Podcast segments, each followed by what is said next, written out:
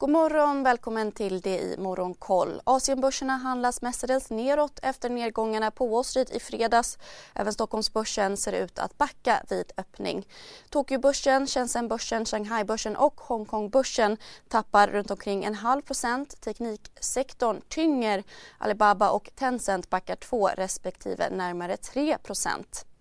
Kina ska utveckla ett system för att dela in bolag listade i USA i tre olika kategorier beroende på hur känslig den data bolagen besitter anses vara. Bolag med hemlighetsstämplad data ska därmed avlistas i USA. Det rapporterar Financial Times. Fastighetssektorn går mot strömmen efter en rapport om att kinesiska myndigheter ska ge stöd åt den krisande sektorn.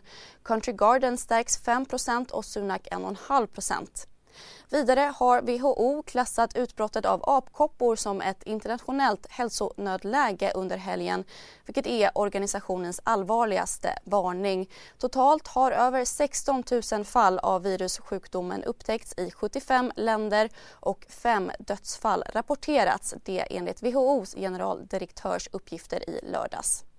Bland utländska bolag har det irländska flygbolaget Ryanair redovisat ett vinstkvartal under morgonen gällande perioden april till juni. Ryanair rapporterar ett nettoresultat på motsvarande cirka 2 miljarder kronor.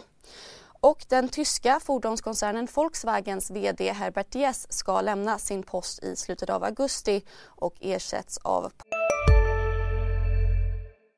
Vi är specialister på det vi gör, precis som du. Därför försäkrar vi på Swedea bara småföretag, som ditt. För oss är små företag alltid större än stora och vår företagsförsäkring anpassar sig helt efter firmans förutsättningar. Gå in på swedea.se företag och jämför själv. Porsches VD. Fordonstillverkaren uppgav ingen anledning för VDns avgång. I USA avslutade börserna veckan neråt i fredags med tunga fall i tekniksektorn. Breda S&P 500 backade 1% och tekniktunga Nasdaq närmare 2% Den amerikanska tioåringen stiger några punkter och noteras nu i 2,79 USAs finansminister Janet Yellen uttalade sig igår om att USA inte befinner sig i en recession. Hon sa även att hon har förtroende för Feds arbete med att bekämpa inflationen men att en inbromsning i jobbskapandet är sannolik.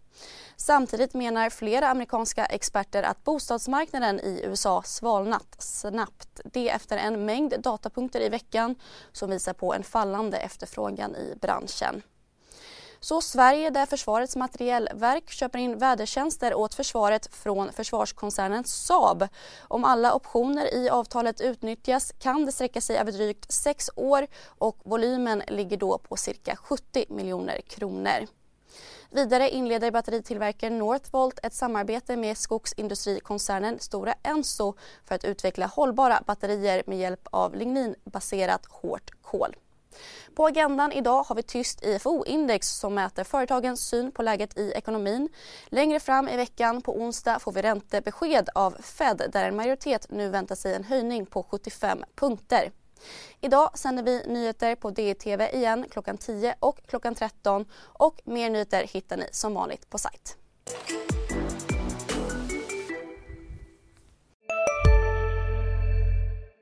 CSRD. Ännu en förkortning som väcker känslor hos företagare. Men lugn, våra rådgivare här på PWC har koll på det som din verksamhet berörs av.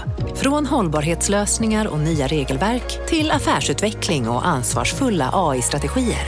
Välkommen till PWC. Hej, Synoptik här. Så här års är det extra viktigt att du skyddar dina ögon mot solens skadliga strålar.